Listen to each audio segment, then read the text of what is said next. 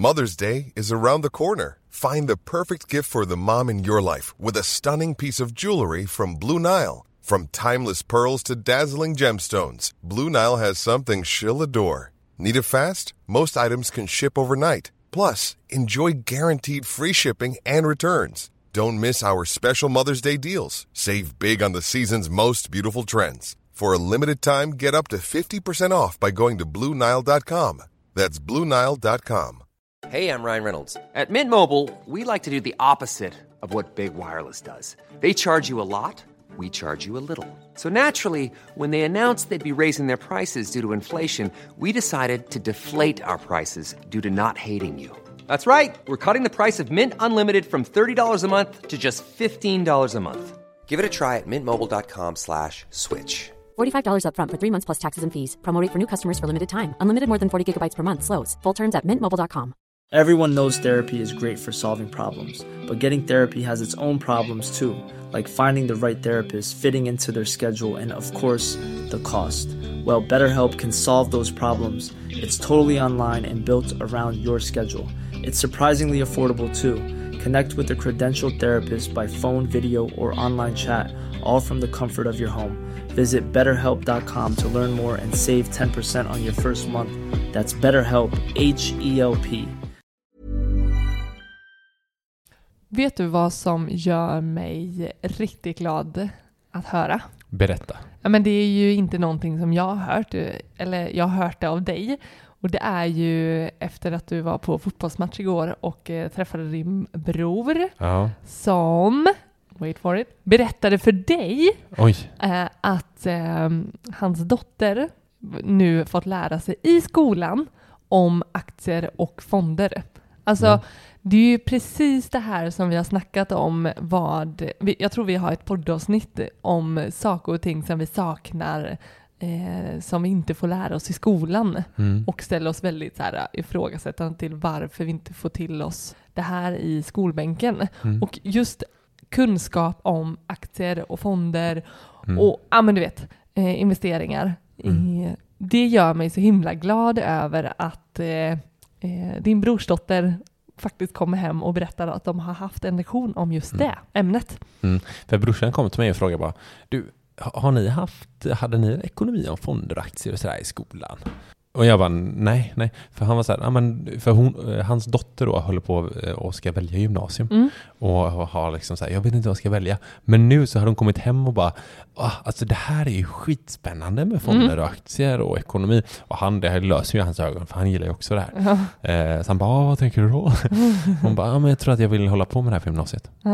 Så nu ska hon välja ekonomiprogrammet.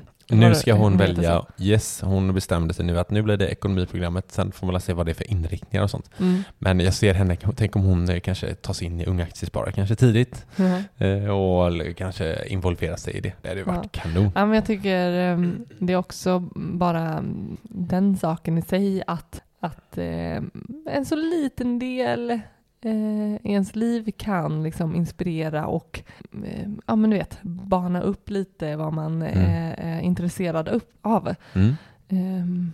Verkligen. Sen, sen, sen om det är om hästar eller om det är om ekonomi, det, det är bara den där ljusglimten som man kan säga Ja, en, en ung tonåring får upp ögonen för ett, eh, ett nytt intresse. Det tycker jag är häftigt också. ett eget långsiktigt sparande kanske.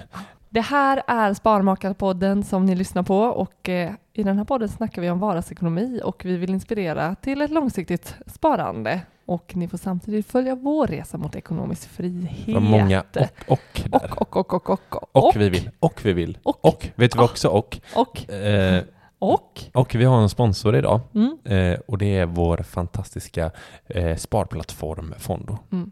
Eh, vet du vad som jag gillar lite extra med deras plattform? Ja, det finns många saker som jag gillar extra med den, men du får berätta vad du tycker är extra bra. Ja, men någonting som jag har liksom hängt upp mig på det senaste och som jag tycker att vi borde lyfta, Mm. det är liksom det här att vi kan automatiskt spara månadsvis. Mm. Att vi kan liksom så sätta eh, en summa som dras i början Mm. när lönen kommer, inte i slutet, att man går in Mm. och puttar in pengar, Mm. för man vet aldrig vad man har kvar. Utan att man sätter så här, ja men får man lönen 25, ja men sätt en dragning 25 Mm. då, eller 26 då, Mm. ifall vi verkligen vill att de ska hinna komma in. Mm. Eh, och liksom så, så, så kan man göra det på Fondo, att de dras varje månad. Och så kan man liksom fördela hur den, ska, hur den summan ska fördelas mellan eh, de olika fonderna som Mm. man har köpt in. Mm. Det, alltså det är kanske det bästa receptet på när man typ helt vill vara, eller inte helt, men säg att man vill inte vara så aktiv då Mm. i sitt fond. Man, man gör en liten så här, bara de här fonderna ska jag ha och de här ska jag spara i länge. Mm. Och det ska ske automatiskt. Jag orkar inte liksom gå in varje månad. Mm. Då är det, alltså jag tycker det är perfekt. Mm. Vet du vad jag tycker är extra, extra bra med fonder då? Det är att jag precis har pratat om det. Det är att de har eh, marknadens lägsta fondavgifter. Ja men det, det, är ju, det är ju slagkraftigt, Mm. måste man ju säga. Mm. Och en no-brainer. Alltså det är en no-brainer för mig. Jag eh, puttar över eh, våra, de fonderna jag har över till Fondo. För, för, för mig, för mig eh, blir det viktigt att få ut så mycket eh, avkastning som möjligt och inte lägga på massa onödiga avgifter när jag kan få samma, samma innehåll eh, och samma, samma, ja, men samma innehav för fast att jag väljer en annan plattform. Det är för mig en no-brainer.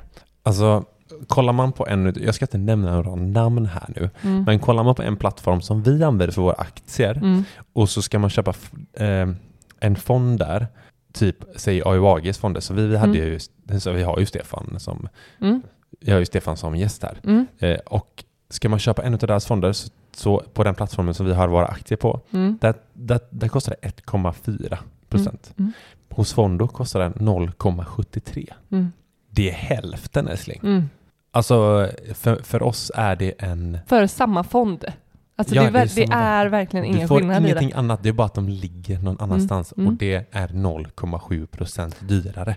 Det skulle ju Eh. kunna vara någonting med, med eh, de olika plattformarna, att de erbjuder på något annat sätt förutom liksom, men fonden i sig är ju densamma. Så vi har valt att flytta över våra fonder till Fondo i alla fall för att över tid så kommer det ge en jäkla skillnad i peng. Mm. Och sen behöver man ju såklart eh, göra sin egen bedömning om eh, vart och om man vill placera sina pengar. Men vi tycker absolut att man ska spana in Fondo.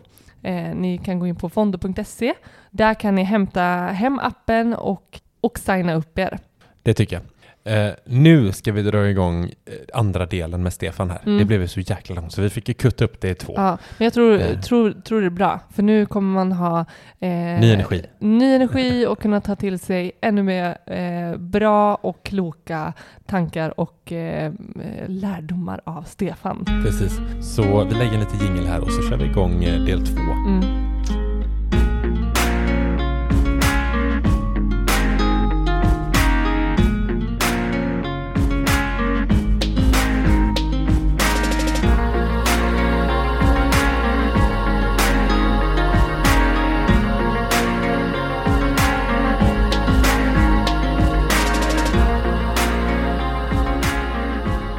Om man ska spara långsiktigt, säg 20 år eller till sitt barn som om 18 år eller någonting sånt. Hur, alltså hur mycket ska man lägga i ädelmetaller? Har ni någon sån här eh, ja, 70 procent liksom? Eller är det...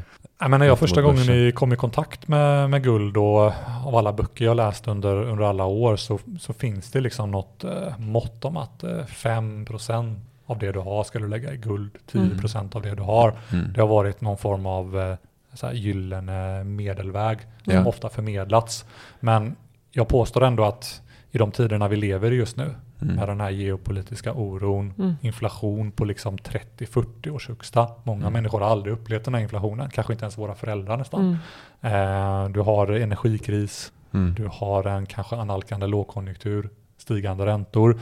Eh, så bör man enligt min uppfattning ha en större allokering mot den här typen av försäkring Mm. och säkerhet Mm. än vad man kanske haft historiskt. Mm.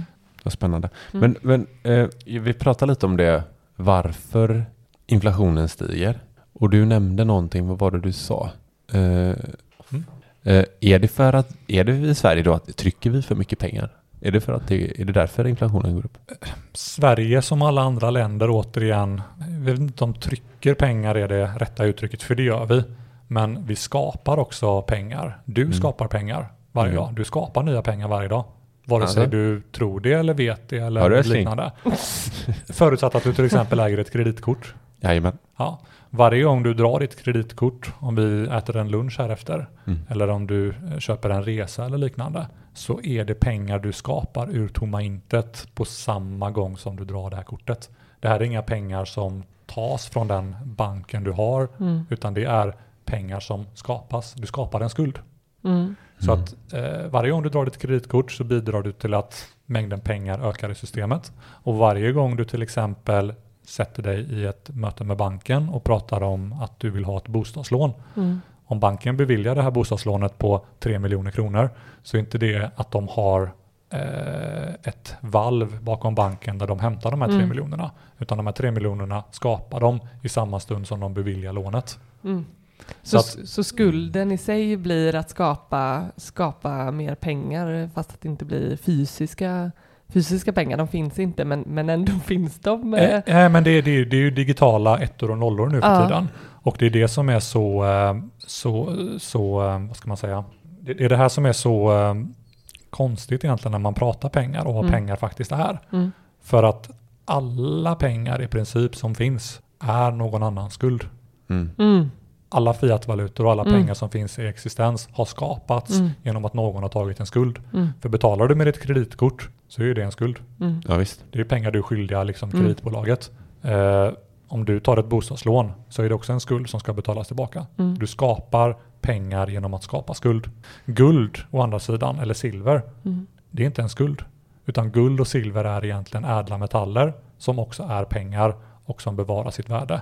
Du Mm. kan inte trycka dem utan du behöver utvinna dem och utvinningen är beroende av liksom kompetens, av olika typer av verktyg eh, och det krävs framförallt mycket energi och arbete att utvinna dem. Och därför så kommer de också att behålla sitt värde betydligt mycket bättre än pengar då som både trycks och skapas av oss konsumenter men Mm. också av centralbanker och liknande. Mm. Men så här då. Köper jag en ETC säger vi. Eh, då, då, då har, är det backat med fysisk skuld, så är det ju. Men så är det alltså inte med pengar då. Skulle, skulle guld kunna bli digitala ettor och nollor liksom? På samma sätt som pengar? För pengar, vad har egentligen pengar för? Det är bara ett, det, till skillnad från guld så är det bara ett påhitt liksom. Eller hur? Precis. Och en gång i tiden var ju alla pengar, eller snarare dollarn var uppbackat till guld. Vilket gjorde att du inte kunde trycka massa pengar ur tomma intet. Just det, var inte jättelänge sedan va? Nej, det var 50 år sedan lite drygt. Ja, och då det. hade du ett fast eh, guldpris på, på 35 dollar där du kunde växla Mm. eh, 35 dollar mot ett ounce guld då, och Mm. vice versa. Mm. Men i takt med då att eh, bland annat Vietnamkriget var, man drog på sig stora utgifter. Eh, länder runt om i världen ville ha guld istället för att de ville ha amerikanska dollar. Mm. Så bröt man ju det här som man kallar för guldmyntfoten. Mm. Där man egentligen tog bort ankaret från vad pengar är. Där du hade liksom en uppbackning av någonting reellt. Just det. Och så tog man ju bort det här eh, temporary som man sa liksom. Mm. Eh, lite samma jargong som centralbankerna säger med transitory. Mm. Att det ska vara övergående. Mm. Liksom övergående inflation. Det ska Mm. vara temporary koppling att vi tar bort guldmyntfoten. Men återigen, eh, den är ju fortfarande inte eh, vad den var då för 50 år sedan. Nej. Utan just nu så bygger alltihopa på ett förtroende. Och mängden pengar ökar hela tiden exponentiellt i systemet. För att varje, alltså alla pengar som skapas kommer ju alltid med en räntesats egentligen. Mm. Oavsett om du drar ditt kreditkort eller om du har ett nytt bostadslån. Mm. Vilket innebär att du hela tiden behöver ännu mer pengar Mm, för mm. att betala av lånen på de Mm. pengarna som redan har skapats. Mm. Och det är ju det här då som blir, eh, som blir farligt i längden när mängden pengar hela tiden behöver expandera för att betala skulden på alla pengar som tidigare har skapats. Mm. Eh, Mm. Och det är här man verkligen kommer in liksom på, men vad är egentligen då pengar? Ja, Mm. ja, Ja, exakt. för det är Ska, det- det skapas Ja. pengar? Och Exakt. vad är, vad är egentligen den sanna och riktiga definitionen Mm. av pengar? Eh, Det här är så jävla intressant. Ja. Jag får lite så här, du vet, när man tänker på rymden och sånt. Ja men jag blir eh, lite så här, är, är pengar bara, det är, det är bara något påhitt egentligen. Vare sig, alltså det blir något i, bara i, i luften. Ja, men till slut, när det inte ens är sedlar, liksom, Mm. eh, när vi använder sedlar kunde man ändå ta på Mm. skiten. Nu är det så här, Nu är det typ du är på banken och så ser du några siffror. Mm. Och så bara, ja ah, men jag vill ha lån. Ja, här har du lite fler siffror. Mm. Eh, och jag menar, jag kan ju inte se att, att vid framtiden kommer ens finnas fysiska pengar. Mm. Och Bara, då blir det ju ännu mer flummigt. mm. Jag försöker bara förstå och tänka vad, vad som blir den faktiska skillnaden på att, att äga guld eh, kontra att äga pengar.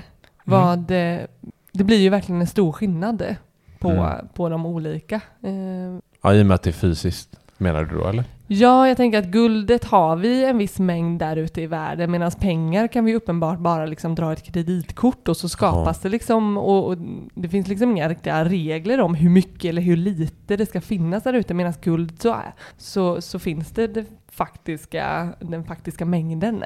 Ja, exakt. Och det, det är egentligen när du, när du på riktigt förstår att du mäter värdet av guld och silver mot någonting annat, Mm. mot kronor, dollar, euro, Mm. som det ger dig en, en klar bild av vad det är som har hänt på värdet av valutan. Mm. Inte värdet av guld. För guld är guld och det ändrar, inget, det ändrar sig inte. Mm. Utan du mäter dem mot någonting som tappar i värde.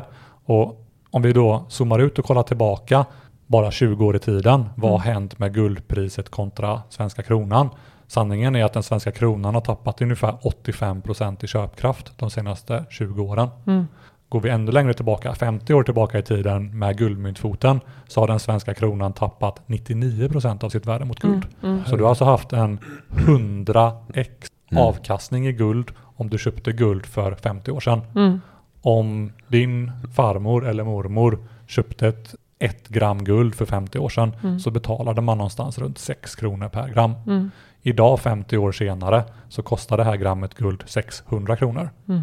Och det har ingenting att göra med att guld är mer värt nu än vad det var för 50 år sedan. Nej. Utan det har bara att göra med att mängden pengar är så mycket mer i systemet nu Mm. än vad det var förr. Mm. Och då behöver du fler pengar för att köpa samma mängd av Samma något. mängd, ja. Och det är samma eh, grej som händer med varför du kunde köpa en liter mjölk på liksom 60-70-talet för, Mm. för en krona. Mm. Och varför samma en liter mjölk idag kostar 12 eller 13, 14 kronor. Mm. Inte på grund av att mjölken har blivit dyrare eller bättre på något sätt, utan Mm. på grund av att mängden pengar är så mycket mer i systemet. Mm.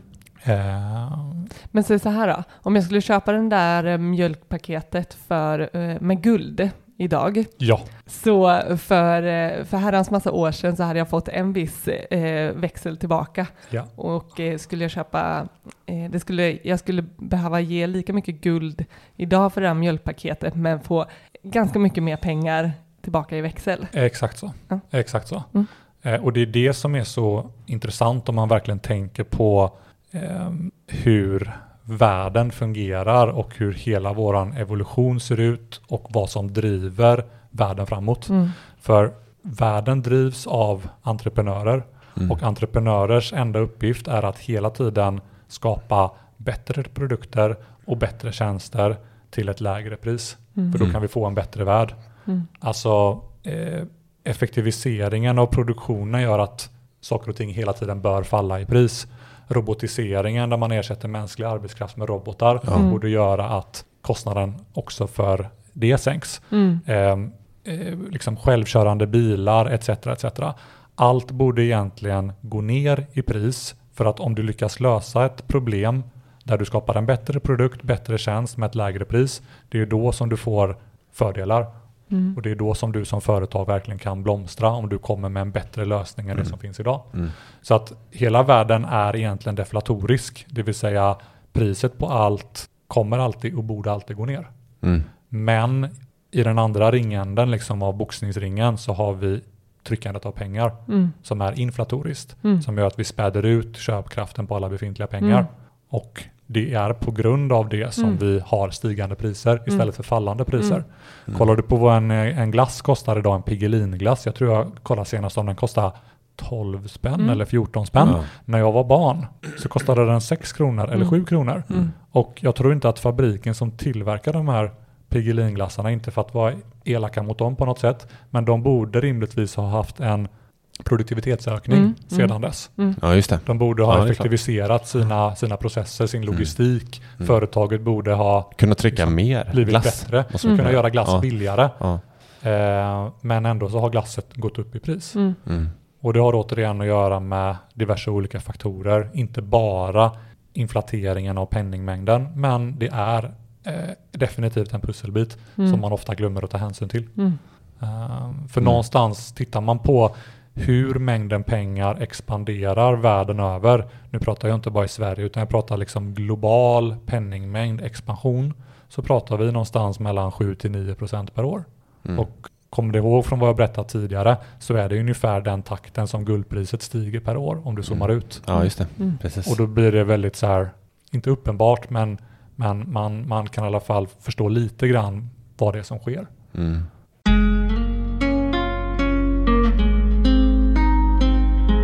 Vad har vi legat på tidigare i procent? Är det typ runt 2 procent? Ja, den rapporterade inflationen har ju varit eh, i alla fall, man har ju försökt få upp den snarare till 2% Man har haft problem för att vi har haft så låg inflation. Mm. Okej, Men det är ju återigen eh, rapporterad inflation och just det. precis som vi pratade om tidigare, ja. Mm. den inflationen du upplever kan ju vara högre eller lägre Ja, beroende mm. på ditt exakt. konsumtionsmönster. Mm. Men jag skulle säga att eh, senaste årens kaos, framförallt med, med covid och alla de eh, drakoniska mått man tog till med nedstängningar Mm. och det ena och det Mm. andra, eh, det har skapat eh, beteendeförändringar Mm. hos konsumenter och hos företag där man i förmodligen större utsträckning vill ha eh, just in case istället för just in time. Det vill Mm. säga du litar inte längre på att leveranserna kommer komma fram dagen efter Mm. och att du kan Mm. ha liksom produktion i asiatiska länder och att alla kan lita på varandra. Utan nu handlar det mer om att du vill flytta produktionen närmare och du vill vara säker på att saker och ting kommer fram i tid. Ja, Och du kanske till och med Mm. vill bygga lager för att du vill inte stå där utan produkter om det är så att Mm. det kommer liksom en, en, en efterfrågan och världen stänger ner igen. Mm. Och för de här företagen som har gjort detta, det är mycket dyrare att ha ett lager än att ha en just in time leverans som Ja, bara kommer Mm. liksom Ja. som det är. Och det här är ingenting tror jag som vi kommer att bli kvitt under den närmaste tiden, utan det här är liksom en beteendeförändring där företagen lite ser det som en försäkring liksom. Mm. Att man inte står utan varor om konsumenten väl är köpvillig. Å andra sidan blir det problematiskt om du tar på dig för mycket grejer. Mm. Mm. Du börjar bygga lager Mm. och så får vi nu en konsument som inte är eh, som inte har en köpkraft kvar. Mm. De har inte pengar för de behöver betala sina elräkningar, behöver betala högre bostadslån. Mm. Liksom konsumtionen tvärdör. Då måste man ju rea ut alla de här Mm. grejerna för Mm. att bli av med dem. Mm. Mm. Och det blir ju också eh, väldigt problematiskt liksom, när Mm. man försöker planera för detta. Så att eh, eh, på grund av det skulle jag säga så har inflationen verkligen fått fäste för att många länder har blivit mer Ja, många länder och många företag har blivit liksom mer eh, försiktiga Mm. med eh, det som tidigare fungerat, alltså globaliseringen. Mm. Att man har flyttat produktionen till de länderna där det är absolut billigast att producera. Mm. Det har bara kommit längre och längre och längre Mm. bort från ens huvudmarknad. Just det. Och nu så är det snarare att man vänder på det här 180 Mm. grader och flyttar det närmare och närmare och närmare. Mm. Eh, Och det driver på egentligen kostnader. Ja, det Mm, blir mm. dyrare för dem helt enkelt då. Eh, måste det vara. Precis. Men hu- hur, hur är det med då liksom, vad, hur, spelar räntan in i det här? Har jag funderat på. Mm. Alltså så här, varför, Mm. hur kan, hur kan en, en stigande, att man höjer ränta kyla ner liksom det här Mm. inflationen då? Mm. Är det helt plötsligt då att, ja men då, då kan vi helt plötsligt bli billigare för företagen eller? Ja, men till syvende och sist så handlar det ju om en, en, en demand destruction, det vill säga att du eh, stryper efterfrågan på saker och ting. För eh, om man bara tittar till sig själv liksom, så har du ju ett visst belopp pengar att röra dig med varje månad Mm. som kommer från lön och så vidare. Ja. Om dina kostnader skenar och går upp för mycket och du fortfarande vill kunna spara till en utlandssemester eller du vill spara till en eh, ljusare framtid eller vad du nu är ute efter så kommer du ju att krympa din kostnadskostym utefter, utefter det. Mm. Och om då räntorna höjs så att ditt bostadslån blir till exempel dyrare Mm. så kommer du ha mindre pengar att röra dig med varje månad. Mm. Vilket gör, kommer göra att du kanske ägnar dig mindre åt nöjen, restaurangbesök etc. etc. Mm. Och då så får du ju liksom en, eh, en, eh, en mindre efterfrågan på saker och ting. Mm. Så Ja. det man vill göra är att man vill kyla ner ekonomin för att inflation handlar ju också om inflationsförväntningar. Om människor förväntar sig att saker och ting kommer bli dyrare om en Mm. månad, tre månader, sex månader så blir man stressad till att göra köp nu. Man kanske köper saker som man egentligen inte behöver, Just vilket det. driver på liksom en, en, en ökad efterfrågan. Ehm, och det är det man då försöker bromsa nu Mm. Mm. genom att se till att konsumenten har mindre pengar att röra sig med, Mm. vilket kommer göra att folk kommer dra tillbaka på konsumtionen. Mm. Och det kommer ju då leda till att priserna blir lägre eftersom att det plötsligt kommer finnas mer varor än vad det fanns innan och mindre liksom efterfrågan. Ja, ja, ja. Om det finns väldigt få varor och hög efterfrågan då går ju priserna upp och Mm. vice versa. Jag tycker det lite, nästan blir lite läskigt att, att prata om att, att räntorna blir ett sätt att styra varenda, alltså enskilda personer. Ja, men det blir, är det bara jag? Nej, eh, det, nej, men det, ja, Om det tycker blir, så här, men eh, du ska sluta käka ute på restaurang så jävla mycket så nu får du lägga mer pengar på eh, bolånet. Mm. Alltså Mm. att, att påverka och styra på så, på så ehm, Individnivå typ. Ja, Ja. Det handlar ju inte om någon produktivitetsökning eller att ekonomin egentligen mår bättre av det utan man bokstavligt talat eh, eh, sätter ju liksom käppar i hjulet Mm. för ekonomin mm. och för alla. Så det man skapar är ju ja, men, eh, en, en, en, en, eh, en bra grogrund Mm. för en lågkonjunktur och en recession. Mm. Ja, ja, men exakt. när efterfrågan för, går ner på Mm. saker och ting. för höjer För att du inte räntan, har pengarna. nej, höjer vi räntan och inte kan handla, då kan ju inte företagen sälja. Och behöver dra ner på, jobb blir billigare Mm. och sådär. Och då, då är det ju synonymt med lågkonjunktur då, som du säger. Mm.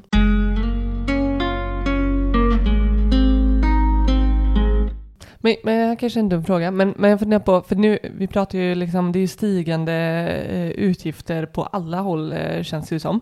Eh, hur mycket, When you're ready to pop the question, the last thing you want to do is second guess the ring. At Bluenile.com, you can design a one of a kind ring with the ease and convenience of shopping online. Choose your diamond and setting. When you find the one, you'll get it delivered right to your door. Go to Bluenile.com and use promo code LISTEN to get $50 off your purchase of $500 or more. That's code LISTEN at Bluenile.com for $50 off your purchase. Bluenile.com code LISTEN. Hey, I'm Ryan Reynolds. Recently, I asked Mint Mobile's legal team if big wireless companies are allowed to raise prices due to inflation. They said yes. And then when I asked if raising prices technically violates those onerous two year contracts, they said, What the f are you talking about, you insane Hollywood ass? F- So to recap, we're cutting the price of Mint Unlimited from $30 a month to just $15 a month. Give it a try at mintmobile.com slash switch. $45 upfront for three months plus taxes and fees. Promo for new customers for limited time. Unlimited more than 40 gigabytes per month. Slows. Full terms at mintmobile.com. hur mycket samband finns det mellan exempelvis eh, att man nu höjer räntor ihop med elpriserna ökar och, och så? Ja, du tänker om det är någon slags eh, Ja, men- symbios mellan dem? Ja, finns det någon liksom, ja. Ja, men enda anledningen till att du höjer räntorna nu har ju att göra med att vi har en sån eh, alldeles för hög inflationsnivå. Mm. Ehm, Det är den kombinationen som finns. ja, du, du, du måste ju på något vis försöka få ner eh, inflationen Mhm.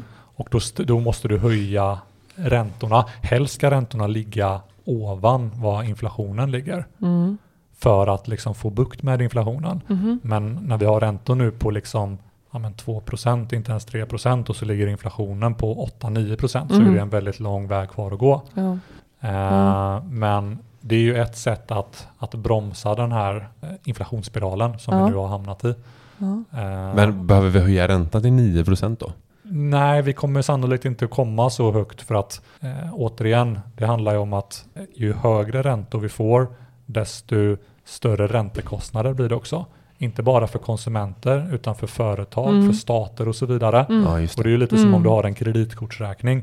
Om du inte har råd att betala din kreditkortsräkning och räntan höjs på den så kommer du ju alltså, gå, gå omkull. Alltså, du, går, du, du blir default på det hela Mm. om du Mm. inte kan betala eh, räntan på dina skulder. Mm. Och det är ju det som blir en realitet här inom väldigt kort förmodligen. För att med de här räntorna som vi har nu och i den takten de stiger så är sannolikheten stor att någonting väldigt snart går sönder. Mm. Och det är egentligen då som man kan börja prata om att räntorna planar ut Mm. eller och sannolikt till och med kommer börja sänkas. Mm. Och jag tror inte att det här kommer dröja mer än till ja, någon gång under 2023 så har vi definitivt eh, platåat ur och Mm. kanske till och med börjat sänka räntorna igen. Mm. För att då har vi orsakat så pass mycket eh, skada Mhm. eh, hos många och lite Ja. kaos och eh, förhoppningsvis fått bukt med inflationen att den inte är lika hög som den är nu. Men det här är ju, jag tycker det här är så sjukt intressant. För, för sänker vi räntorna igen, går inte inflationen upp då? då igen? Jo, det finns ju en, eh, en, ehm, en viss risk för att den gör det. Jo, Ja, för Men risken är ju att om eh, vi fortsätter att höja räntorna och Ja. behåller dem på höga nivåer så kommer vi att gå in i en väldigt djup lågkonjunktur och recession för att människor inte kommer ha några pengar över Mm. och företag kommer inte vilja nyanställa utan de kommer att göra sig av med människor Mm. ja, och banker kommer inte vilja bevilja några lån och så får du liksom en, eh, en riktig härdsmälta. ja, Och det är ju det här som man har egentligen velat undvika ända sedan finanskrisen.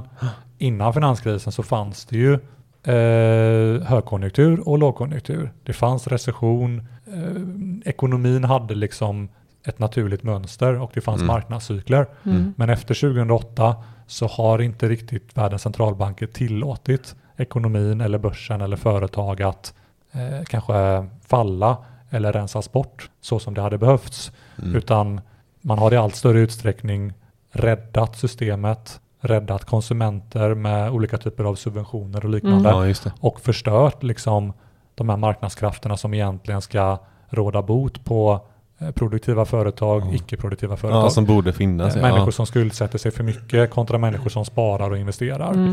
Eh, så att egentligen är det bara bra om vi får en riktig eh, utrensning så att vi får behålla kvaliteten Mm. och göra oss av med det som egentligen eh, bara lever på billiga pengar. Mm. Men det är lättare sagt än gjort. Mm. Eh, Men, men jag tänker så här, hu- hur, hur har vi kunnat ha så låga räntor och låg eh, inflation då? Om de nu liksom så här fungerat mot, mot varandra. Vet du det? Alltså hur, hur liksom... För det låter ju som att så här, vi behöver höja räntorna för att få ner inflationen nu. Men vi har ju haft låg inflation och låg ränta. Eh, låg inflation har vi haft eh, på grund av flera olika orsaker, men bland annat det vi pratade om innan, det vill säga globaliseringen.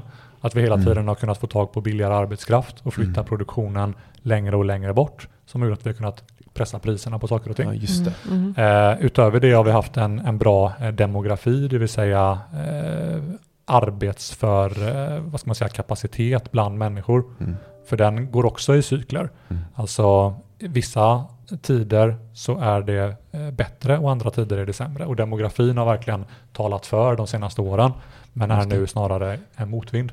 Ja. Eh, och sist men inte minst, eh, i takt då med att inflationen har varit låg och eh, då har också ränteplaceringar fungerat väldigt bra, Mm. alltså obligationer. Just det. Och eh, köper du obligationer så går ju räntor ner. Det har liksom ett omvänt förhållande. Mm. Mm.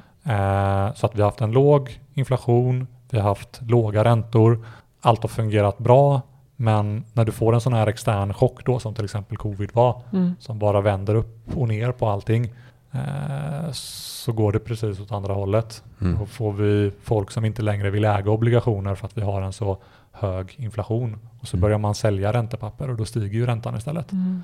Och Ja. sen så har du inflation då som fortsätter att, att skena på grund av en del av de orsaker då som jag, som jag berättat om.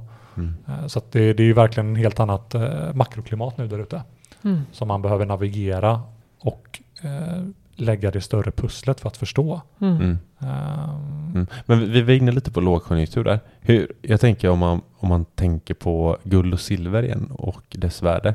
Eh, finns det någon historik tillbaka hur, hur guldet och silvret har presterat under lågkonjunktur? Ja men det finns. Ja, Och ehm, i många fall så har det ju även eh, räddat eh, världen och även räddat eh, centralbanker. Att man har haft till exempel guld i sin valutareserv. Mm. För att det är ingen som har velat ta emot din inhemska valuta för att den har varit så svag. Mm. Eh, Det hände Mm. Sverige senast under finanskrisen att man använde guld istället för att Mm. använda SEK. Mm. Och eh, det är ju eh, den sista livlinan för många eh, centralbanker att man äger guld eh, Ja, just som det. kan rädda ändå. Mm. Och eh, alltså historiskt om du tittar på olika typer av kriser och så vidare eller om du tittar på tider av hög inflation som vi hade under 70-talet så var ju det storhetstid för både guld och silver. Mm. Eh, Jag tror att under 70-talet så gick guldpriset upp med 24 gånger och silverpriset gick upp med 33 gånger Mm. om jag inte missminner mig helt och hållet. Eh, Även under eh, ja, mellan 2000 fram till 2008 så gick både eh, guld och silverpriset, framförallt guldpriset väldigt starkt. Mm. Och vi såg också prov på det här under covid, att de föll tillsammans med mycket annat i början. Men sen så var ju guld uppe och gjorde nytt all time high och silver var uppe på nytt eh, åtta års högsta. Mm. Så att eh, många, många försöker se direkt samband att direkt när det blir svagare tider eller lågkonjunktur Mm. så ska guld och silver stiga. Men det Mm. har sällan ett så perfekt samband. Mm. Utan ofta är det så mycket annat som sker samtidigt som rör till det och tar undan fokus liksom från det som är viktigt. Så att, eh, för man är, så man är så fokuserad nu på energifrågan, på Mm. Ja, inflationsfrågan, just det. på det Ja. geopolitiska. Men ju fler kvartal som vi fortsätter att befinna oss i de här oroliga tiderna och ju fler människor som drabbas av energikris, inflation, räntor och så vidare. Så är min uppfattning att man i större utsträckning kommer att börja vända sig till, till alternativa tillgångsslag då. Mm. Som till exempel guld och silver. För att man, man, man förstår att det kan skydda dig i, i tider som dessa. Då. Mm. Mm. Eh, så vi ser, eh, vi ser väldigt ljust på, eh, på framtiden. Mm. Och återigen, priset för guld och silver är ju olika beroende på vem du är. Och då menar jag i vilket land du bor. Ja, det. Vi svenskar är fortfarande ganska förskonade. Ja. Vi har aldrig behövt egentligen ta hänsyn till inflation. Mm. Men i många länder så är det en realitet Ja, det är där man bokstavligt talat är, eh, ja det kan vara skillnaden mellan, mellan mat på bordet och tak över huvudet. Mm. Men för, för Om du äger guld eller inte. ja men då, Mm. då skulle, alltså om man, säg i Turkiet där, säg att det, hade de 80% något år eller? Eh, just nu så har de en, eh, en, en inflation på, på över 80 procent. Ja. Men så, så säg att det är 100% inflation så det betyder att det kostar en bil 50 000 så kostar den 100 000. Det stämmer. Eh, jag tänker på så här, löner. Hur lite pengar det är helt plötsligt är värt ens lön. Liksom. Mm. Ja, för Eh, lönen ökar ju inte i samma takt som inflationen. Nej, nej. Och eh, det är ju det, det, är det som blir problematiskt också för, eh, för lön, lönerörelsen nu, hur mycket man ska ta hänsyn till inflationen, om den är övergående eller inte. Mm. Människor kommer ju inte acceptera en löneförhöjning på 1,5-2% som man gjort historiskt. Mm. Utan nu kommer många vilja ha betydligt högre lön för att kompensera sig för den förlorade köpkraften då som man har varit med om. Ja, men exakt, och jag, och jag tänker så här, eh, säg, att, säg att inflationen slår av och eh, säg att vårt, eh, eh, ja men eh, Ebba Busch snackar ju om att falukorven kostar 40 spänn liksom, eh, istället för eh, 25 eller något. Sä, säg då att eh, när inflationen slår av, kommer korven gå ner till 25 igen då? Ja, Det är det som är också någonting som jag tycker är intressant att prata om för att de här nya prisnivåerna som vi har nu och när vi pratar då om inflation på 8,5% det är Mm. ju mot vad inflationen var för ett år sedan. Ja. Vi Mm. mäter den liksom mot hur den var ett år tidigare. Eh, att vi ska tillbaka till de prisnivåerna som rådde innan, alltså få deflation, att priser börjar falla. Mm. Mm. Det kommer inte hända. Ja, det är Jag har väldigt svårt att se att, att, att, att saker och ting ska börja falla i pris, alltså Mm. matvaror och så vidare. Mm. Eh, och det är också eh, många centralbankers värsta farhåga, att vi ska få deflation. För då Mm. kommer människor att skjuta upp sin konsumtion, för du vet att varför ska jag köpa en bil nu om bilen är 50 000 kronor billigare om tre månader? Mm. Jag behöver Ja. inte handla nu, jag behöver inte göra det ena och det andra och då får du ju verkligen en krympande ekonomi Mm. När alla vet att mobiltelefonen blir billigare, det här blir billigare. Ja. Så därför måste du ha någon form av inflation i systemet. Gärna inte för hög utan den ska ligga på kanske då 2%. Mm. För då kommer du som ja, men, löntagare också känna lite extra glädje varje år du sitter i liksom en lönerevision och så Mm. säger chefen du får en 2% i löneförhöjning. Mm. Egentligen spelar det ingen roll för om du har en månadslön på 30 000 kronor och så får du 30 600 kronor nästa år. Mm. Mm. Visst ser det bättre ut på kontot Mm. men om samtidigt prisnivån i samhället har stigit med 2% Mm. Ja, så är det ju netto noll. Mm. Men, men det är mycket svårare för någon att få en lönesänkning. Mm. Det, det är ingen som skulle vilja ha det även om, Nej, om, nej, om, om allt annat föll i pris så hade det känts väldigt Mm. jobbigt att Mm. Men jag som har jobbat och slitit i ett helt års tid, ska du sänka min lön? Mm. Ja men kostnadsnivån i samhället har gått ner med 2%. Ja men det har ingenting med mig att göra. Då, då vill jag ju verkligen ändå ha liksom en högre lön för jag har gjort det arbetet. Så att eh, inflation kommer alltid finnas med oss på ett eller annat sätt. Men det är när den är på dessa nivåerna som den väldigt snabbt skapar stora obalanser Mm. och oro egentligen. Ja. Och framförallt eh, klämmer människor liksom. Mm. Eh, för det som också är intressant är eh, människor har blivit klämda och eh, man har haft det svårt nu på grund av inflation. Mm. Eh, vad händer när centralbankerna försöker få bukt med inflationen och istället klämmer den med stigande boräntor säger vi. Mm. Alltså det, det, det är ju samma typ av att du får mindre pengar att röra Mm, dig med. mm. Ja. Men det är bara olika sätt att hantera det Ja, på. ja. Alla blir fattigare fast Mm. på olika vis egentligen. Mm, Så det mm. drabbar rik som fattig, ung som gammal. Mm. Eh, Men, men jag tänkte på det som du nämnde tidigare där med att, eh, att ibland eh, för, för länder så har guldet räddat, att man kunnat betala guld istället. Ehm, Skulle vi kunna hamna i det att man sitter med en liten eh, guldpeng och väljer att betala sin, eh, betala, alltså på individnivå tänker jag. Typ på ICA. Ja, men typ att så här, nu tar jag fram min försäkring här för att det är inte värt för mig att betala i, eh, i pengar utan jag tar, jag tar min, eh, min försäkring här och drar fram den ur, ur eh, lådan. jag tycker att det är ett väldigt intressant eh, scenario och det är ingenting som jag hoppas att vi kommer att se. Mm. Men om vi bara tänker hur dagens system funkar. Det var inte länge sedan som hela Coops kassasystem slogs ut och de Mm. inte kunde göra några transaktioner eller kortbetalningar. Mm. Vad var det? Var det något år sedan eller någonting? Hela Coop låg ju Mm. liksom ner Jajamän. ett tag på grund av en cyberattack. Ehm, då, då kan du plötsligt inte betala för dina matvaror Mm. och sen tar man kanske fortfarande kontanter så det räddar den. Mm. Men vi vet ju allihopa att kontanter är någonting som är Utdöende. utdöende. Och, Mm. och Sverige är ett av de länderna i världen som är Mm. liksom först ut. Det ska ju Mm. vara kontantlöst inom bara några år säger man. Mm. Så vad ska du då betala med Mm. om kassasystemet ligger nere på grund av eh, typ en cyberattack? Mm. Det får ju inte ligga ner det då. Det, får, ja, men om, Nej, men det det är är, ju- ju en sak att säga och en annan Ja, sak ja. att, att, att Ja, göra. Liksom. Mm. Nej men du, vi kan ju inte gå över tills dess. Nej. Eh, och i, jag menar, i, i andra länder där du inte har eh, kort utan du har liksom bara kontanter. Mm. Där kan ju guld eh, och silver fortfarande fungera som, eh, som pengar. Mm. Alltså vi pratar fattiga länder. Eh, som ren byteshandel. Mm. Eh, liksom jag behöver, eh, jag behöver dina, dina tjänster. Jag vill att du hjälper mig att, att bygga ett hus. Mm. Vad kan du erbjuda i retur? Kan du erbjuda mig eh, transport? Nej, jag äger ingen bil men jag, jag har ett guldmynt liksom. Mm. Okej, men då får du det. Mm. Mm. Eh, liksom en transaktion som, som äger rum mellan två Det är individer. ju ren de- byteshandel liksom. ren byteshandel, Ja. ja. Mm. Precis. Så att eh, i Sverige så eh, har jag väl svårt att se att det kommer att ske inom, inom närmaste tiden. Men att det sker i andra länder redan nu, det är, Mm. ju, det är ju en sanning. Mm. Och så har det varit eh, historiskt också. Mm. Men, men Eh, egentligen är det ingen skillnad på guld och krypto då? guld är ju eh, analogt Jo, jo, och jo, krypto är ju digitalt. Absolut, men jag tänker som, alltså som, eh, ja, lika väl som man kan handla med krypto, så borde man ju kunna handla med guld, eller? Absolut. Jag tänker som din fråga att, eh, Det är ju ett av få sätt, eller ett av två sätt kan man säga, där du egentligen kringgår en bank som någonstans förmedlar affären er emellan. ja, Så fort du använder pengar, alltså om du gör en digital överföring, så går ju det via någonting annat. Mm. ja, Medan som du och jag bestämmer att vi ska på något sätt eh, byta tjänster och gentjänster med varandra här och nu, Mm. så kan jag ju överräcka ett guldmynt till dig utan att det är någon mittenpart som, Mm. som, eh, som behöver Ja. göra det. Mm. Och samma med krypto då, att jag skickar transaktionen direkt till dig istället för att gå via någon bank eller Mm. liknande. Mm.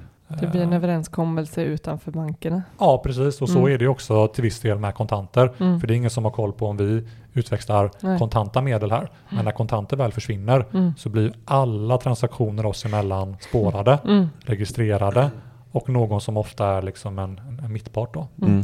Ja, precis.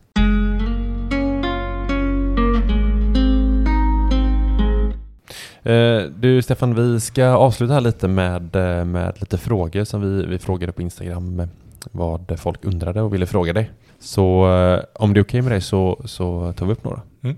Är det fine? Ja. Härligt. Eh, nej men eh, eh, det är Anneli som undrar hur illa kan det bli med inflationen? Rak och tydlig fråga här. Jag tycker att eh, en, en eh, inflation som i Sverige är uppe på nytt 30-års högsta Mm. och i många fall i världen är uppe på 40-års högsta är ganska illa. Och eh, min uppfattning och tro har hela vägen sedan start varit att vi i Sverige och globalt kan se dubbelsiffrig inflation och mer Mm. därtill. Mm. Och jag tror inte heller att bara för att inflationen nu temporärt kommer att falla tillbaka och sänkas Mm. Kommer göra att vi är kvitten och att vi liksom 2023, 2024 är nere på rimliga nivåer igen runt Mm. 2-3 procent liksom. Peter frågar, varför skakar börsen på grund av inflationen? Till en början så kan ju inflation snarare vara positivt för börsen. Okej. Så länge inte centralbankerna börjar strama åt och höja räntorna. Mm. Ja, det. Det är när de blir det som återigen man som konsument får mindre pengar att röra sig med. Mm, mm, Och det skapar ju en lägre efterfrågan mm. som i sin tur då påverkar bolagen, bolagens vinster, bolagens eh, liksom försäljning. Just det. Som slu- i slutändan då orsakar liksom Mm. kanske en lågkonjunktur eller recession. Så det är inte på grund av inflationen i sig egentligen, utan det är agerandet runt om den. Ja, Ja, men egentligen då om, säg att vi skulle sänka eller höja räntorna och inflationen går ner, då borde ju egentligen företagen gå sämre. Då tänker jag att de företagen borde få in peng, mi- mindre pengar i sin kassa. det beror lite på för det handlar ju också om hur högt företaget är belånat. Mm. Om du har ett företag som är högt belånat och räntorna stiger så är det ju aldrig Ja, bra för det. företaget. Mm. Men har du inga lån så blir du ju inte alls lika, lika Nej. påverkad av det. Mm. Och då är ju. ju inflation också någonting som, alltså om inflationen faller så blir det ju mycket lättare för dig som företag att planera. Mm. För det blir väldigt svårt för ett företag som ja, men till exempel eh, Tesla. Eh, de kan inte sälja allt för mycket bilar i framtiden för de vet inte vilket pris de ska ta av en Mm. konsument om ett år. Mm. Eftersom att råvarupriser rör sig så mycket, räntenivån är på väg upp och så vidare. De har väldigt svårt att kalkylera, ska bilen kosta en halv miljon Mm. Mm. eller behöver vi ta 550 000 Mm. Precis. eller 450 000? Just det. Och därför säger de snarare vi kan inte sälja några bilar nu förrän vi vet mer tydligt liksom, Mhm. med inflation. Så att lägre inflation är generellt bättre för företagen, bättre för konsumenter för då kan du planera mer mot framtiden. Mm. Sen är stigande räntor någonting som alltid är negativt för de som är eh, liksom högt belånade. Mm. Mm. Eh, Maria undrar, skulle inflationen sjunka om elpriserna sjunker? Ja, det hade den gjort. För eh, eh, saker som till exempel elpris är ju en del av det man mäter när man tar fram eh, KPI. Alltså, Mm. Ja, ja, ja. Inflationen. Mm, det, Mm. det. Så det är en del av, av det, men inte allt, utan man mäter ju priset på väldigt mycket annat också Ja, det, det är Men en det del är en faktor liksom. Ja, just som det. kan påverka. Just det. Just det. Ja. Eh, det tycker jag, det har jag lärt mig mest i det här avsnittet tror jag. De här olika, varför Mm. inflationen eh, finns överhuvudtaget.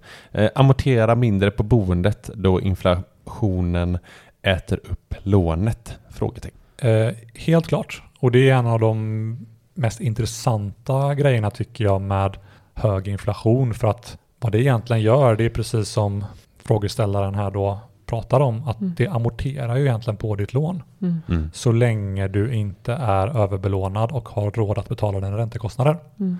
För har du köpt en bostad för en miljon kronor och så har du en inflation på 10% så innebär det att om du har den här inflationen 10% 10% 10 Mm. med ränta på ränta-effekten så kommer du inom sju år ha en bostad som snarare kostar 2 miljoner kronor. Mm. För har du 10% avkastning i sju år så har du dubblat liksom den initiala Mhm. eh, siffran. Mm. Eh, och då är det ju egentligen om man ser på det eh, logiskt. Du köpte bostaden för en miljon. Nu kostar bostaden två miljoner. Ja, du är ju i princip skuldfri då. Mm. Du kan ju ta de här pengarna och, och, och betala tillbaka dem. Eh, Mm. och det är ju det som är, jag ska inte säga orättvist, men inflation har en tendens att straffa de som inte har några tillgångar. Mm. De mm, fattiga människor. Mm. Mm. För att de har bara sin lön kanske att förlita sig på.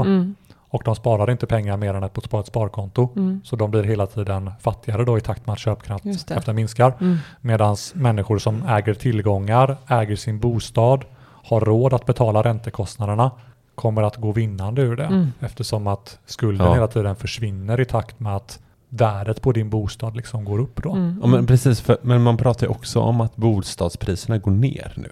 Det låter ju helt sjukt då om, om allting an, annat går upp. Det har, inte med, det har egentligen bara att göra med att utbud och efterfrågan, Mm. att människor inte blir beviljade de lånen som man fick tidigare från banken. Mm. Mm. För att banken ser högre räntor framöver och för att människor behöver lägga en större andel av sin totala inkomst på att betala boendet och lånet. Så man är inte villig att ta lika stor risk som man Mm. kanske var villig att göra när energikostnaden var låg och räntekostnaden på bolånet var låg. Nu är det många som istället tänker ett steg extra Mm. innan de väljer att buda på det här drömhuset som Mm. de liksom hade för ett år sedan eller två. Mm. Så att det har Ja, bara att göra med egentligen utbud efterfrågan och vad bankerna är villiga att låna ut när de tittar liksom i sina riskkalkyler. Mm. Eh, men när vi har kommit igenom detta, när vi liksom är ur detta, inflationen har gått ner eller när räntorna återigen börjar falla igen Mm. så kommer bostadspriserna i mitt sätt att se det att fortsätta väldigt starkt uppåt. Mm. Eftersom att det hela tiden blir mer pengar i systemet. Mm. Människor får mer och mer pengar på kontot och det kommer att driva på liksom kostnaderna för bostäder framåt också. Mm. Så, så det är verkligen precis som du sa, att det är, om man har råd att ä, ä- äga sin bostad, men också eh, hänga med i de eh, räntekostnaderna. Eh, som, eh, som man kan gå liksom mer vinnande ur. Men, men eh, skulle du ta då ett nytt lån idag och eh, banken tar höjd för en viss ränta och du blir nekad det lånet så, så ingår du inte i den kategorin egentligen. Nej, men precis. så blir det. Ja. ju. Precis. Men hur, hur blir det då? Jag tänker att hon- hon frågade här liksom om att amortera på boendet. Men om bostadspriserna, ja du tänker på sikt då ja, att, det- att det är bättre. Att det kommer svänga. även, om, även om bostadspriserna går ner nu så är det fortfarande bättre att amortera. Ja, det är ju därför Eh. det är så, vad ska man säga, eh, bra att till exempel ha ett CSN-lån Mm. Mm. som du inte amorterar på egentligen för att räntan där är ju så himla låg. Jag tror räntan är, den är väl under procenten liksom. Ja. Mm. 100 000 kronor, du har liksom 1000 kronor i ränteutgift per år och så har du en monetär inflation då, det vill säga att värdet på pengar tappar då gentemot guld typ eh, 9 per år. Ja, just det. Inom, inom 8-10 års tid så kommer ditt lån fortfarande att vara 100 000 till CSN men köpkraften i de här 100 000 kommer att ha halverats. Mm. Just det. Och Mm. över tid då, det är därför du kunde köpa en, en, en bostad på en central adress i Göteborg för säg 20-30 år sedan för någon miljon eller två. Mm. Och den här bostaden, samma bostad idag, kostar 5 miljoner, 6 Mm. miljoner. Den har gått upp liksom med 200 procent, 300 procent. Mm. Och om du bara har betalat av dina ränteutgifter på den här så ju, har ju du tjänat precis hur mycket pengar som helst Mm. egentligen Mm. på det. Mm. Bara av att du har hållit, eh, ja men du har inte tagit på dig en för stor kostnadskostym egentligen. Mm. Det är ju det som är risken med det hela. Mm. Så att amortera så mycket som behövs för att du inte ska utsätta dig själv för en alltför stor risk. Mm. Mm. eh, är, min, är min tanke kring det hela. Mm. Men, men då, tro, då tror vi att, så här, att eh, inflationen kanske fortsätter ett tag.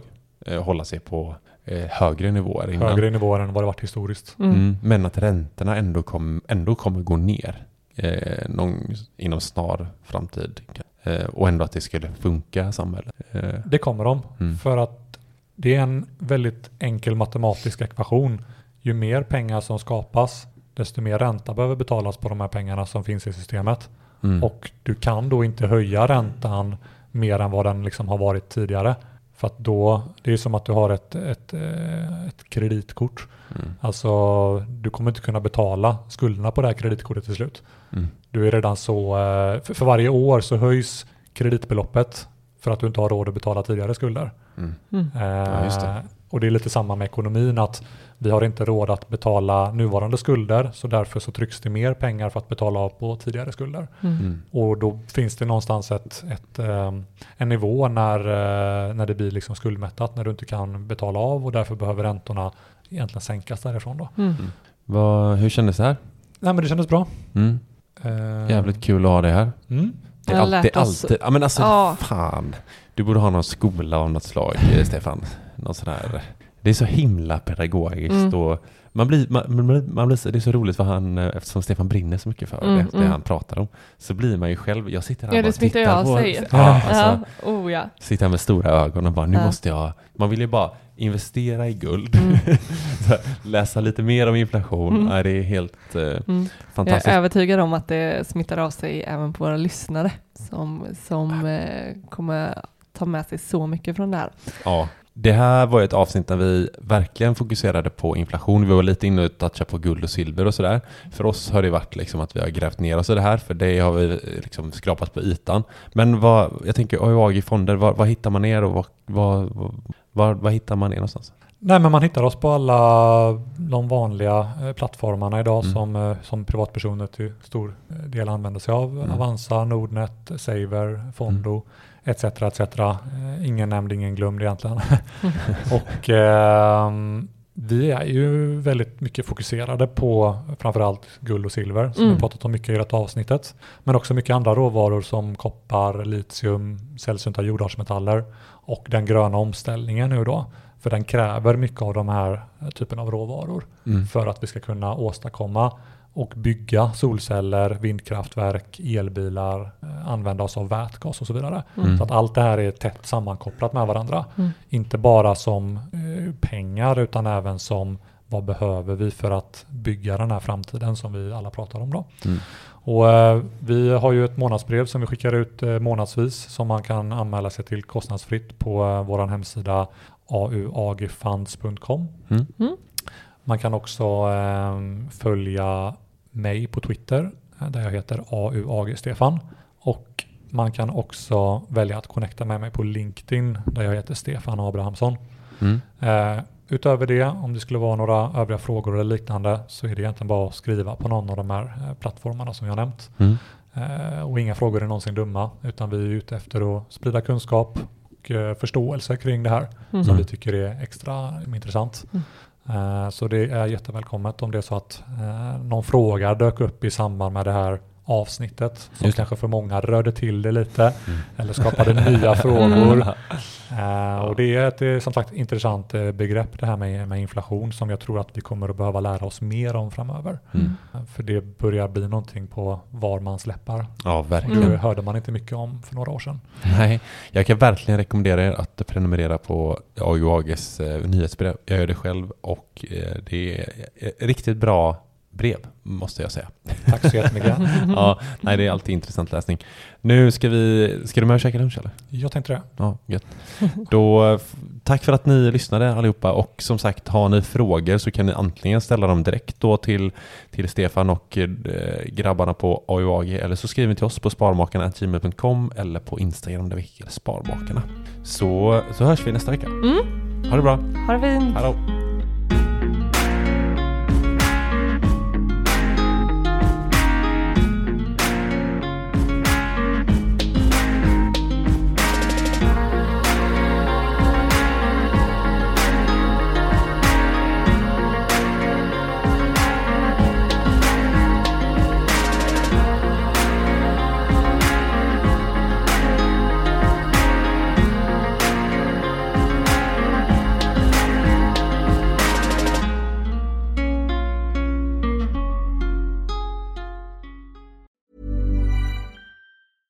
Planning for your next trip? Elevate your travel style with Quince. Quince has all the jet setting essentials you'll want for your next getaway, like European linen, premium luggage options, buttery soft Italian leather bags, and so much more. And is all priced at 50 to 80% less than similar brands. Plus, Quince only works with factories that use safe and ethical manufacturing practices. Pack your bags with high-quality essentials you'll be wearing for vacations to come with Quince. Go to quince.com slash pack for free shipping and 365-day returns.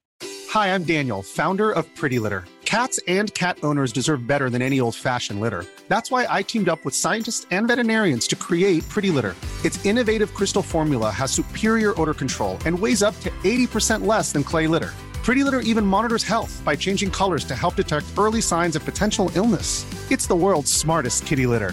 Go to prettylitter.com and use code ACAST for 20% off your first order and a free cat toy. Terms and conditions apply. See site for details. Imagine the softest sheets you've ever felt. Now imagine them getting even softer over time. That's what you'll feel with Bowl and Branch's organic cotton sheets. In a recent customer survey, 96% replied that Bowl and Branch sheets get softer with every wash. Start getting your best night's sleep in these sheets that get softer and softer for years to come. Try their sheets with a 30-night guarantee. Plus, get 15% off your first order at bowlandbranch.com. Code BUTTERY. Exclusions apply. See site for details.